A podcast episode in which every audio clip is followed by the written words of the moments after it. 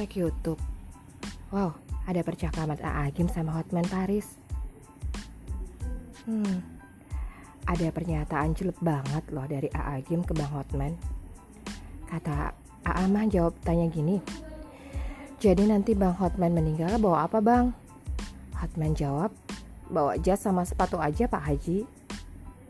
Aa mah jawab lagi, ya memang gitu. Harta di rekening kita mah memang gak dibawa mati bang. Semua cuma titipan yang sewaktu-waktu bisa diambil pemiliknya.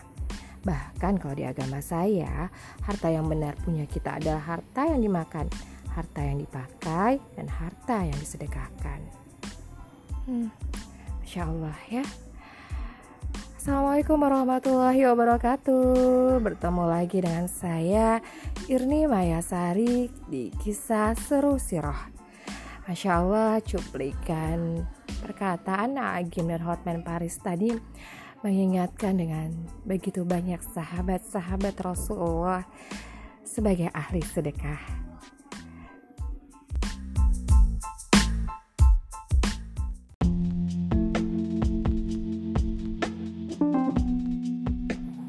Bismillahirrahmanirrahim. Kali ini saya akan bercerita tentang sahabat Rasulullah ia juga merupakan khalifah yang pertama, yaitu Abu Bakar As-Siddiq dari buku 64 Sahabat Teladan Utama Sigmada Insani. Kali ini saya akan bercerita tentang bagaimana Abu Bakar As-Siddiq sebagai ahli sedekah. Dengerin ya. Semua yang membantu telah kami balas kecuali Abu Bakar. Ia memiliki hak atas kami nanti akan dibalas langsung oleh Allah pada hari kiamat. Tidak ada harta yang memberi manfaat kepadaku lebih besar selain yang diberikan Abu Bakar.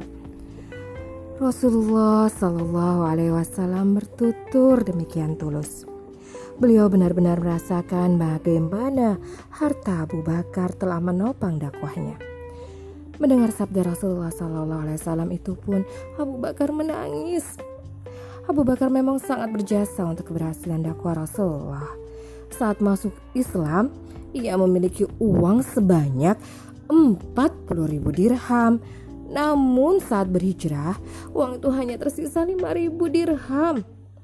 Rasulullah menggunakan harta Abu Bakar untuk memerdekakan budak dan menolong kaum muslim.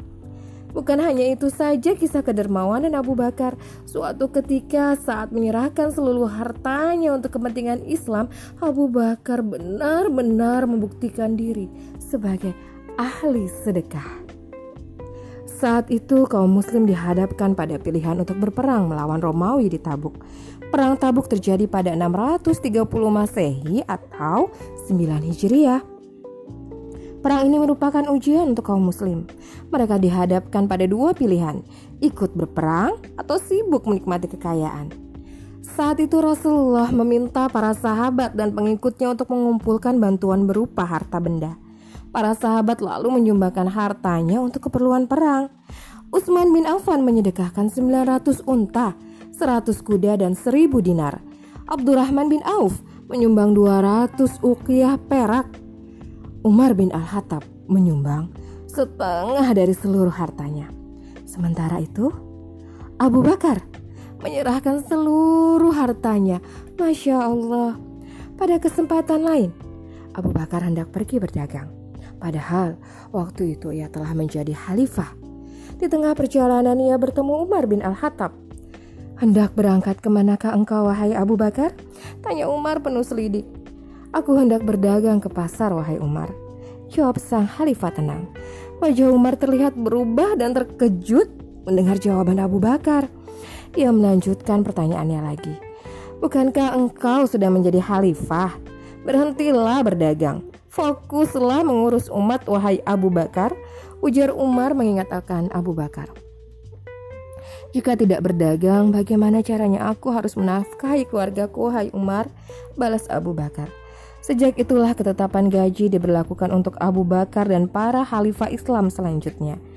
Dari gaji itu pula istri Abu Bakar pernah bisa mengumpulkan uang cukup banyak. Melihat kenyataan itu Abu Bakar berujar kepada istrinya, "Wahai istriku, uang ini ternyata cukup banyak." Aku telah menyerahkan sebagian uang ini ke Baitul Mal. Mulai besok kita usulkan agar gaji Khalifah dikurangi lagi sebesar jumlah uang yang dikumpulkan setiap hari ini. Kita telah menerima gaji melebihi kecukupan sehari-hari. Demikianlah, selain menjadi ahli sedekah, Abu Bakar adalah pemimpin yang memilih hidup sederhana. Masya Allah.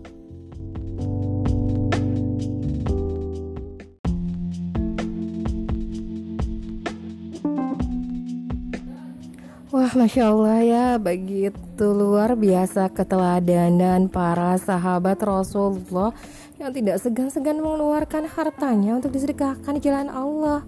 Apalagi Abu Bakar Siddiq yang luar biasa, nggak tanggung-tanggung seluruh hartanya diberikan kepada Rasulullah untuk disedekahkan di jalan Allah. Ya, mumpung Ramadan, kita sama-sama berdoa, saling mendoakan agar Allah melimpahkan rezeki yang banyak pula kepada kita. Agar Allah juga teguhkan hati kita untuk membelanjakan harta kita di jalan Allah. Pengen jadi kaya juga ya, biar kayak orang-orang yang kalau sedekah nggak mikir-mikir nominalnya. Biar kita juga punya tabungan akhirat yang banyak. Nah, jadi masih jadi ingat deh percakapan di YouTube tadi Bang Hotman sama Agim jadi Bang Hotman Paris itu kan pengacara terkenal bahkan sampai punya Lamborghini. Nah sempat ditanya tuh sama Agim bagaimana Bang rasanya punya Lamborghini? Begitu kurang lebih pertanyaannya. Um, Bang Hotman menjawab ya begini aja Bang. Apalagi masa pandemi gini dia malah jarang naik mobilnya. Keluar juga lebih sering naik sepeda dan jalan kaki. Hmm, kalau sekelas kita mungkin kita melihat tumpukan gamis, tumpukan tas. Udah lama nggak kepake ya, udah lama nggak jalan keluar ya. Paling mah kita di rumah, apalagi emak-emak sukanya pakai daster kan. Hartanya jadi numpuk, gamis kita jadi numpuk, tas branded jadi numpuk, nggak digunakan apa-apa, tidak berguna apa-apa jadinya. Astagfirullahaladzim Semoga Allah menjauhkan dari sifat kesia-siaan. Ya masih banyak sekali hikmah yang diambil dari para sahabat. Insya Allah sekian dulu untuk hari ini. Sampai jumpa dengan kisah sirah selanjutnya. Assalamualaikum warahmatullahi wabarakatuh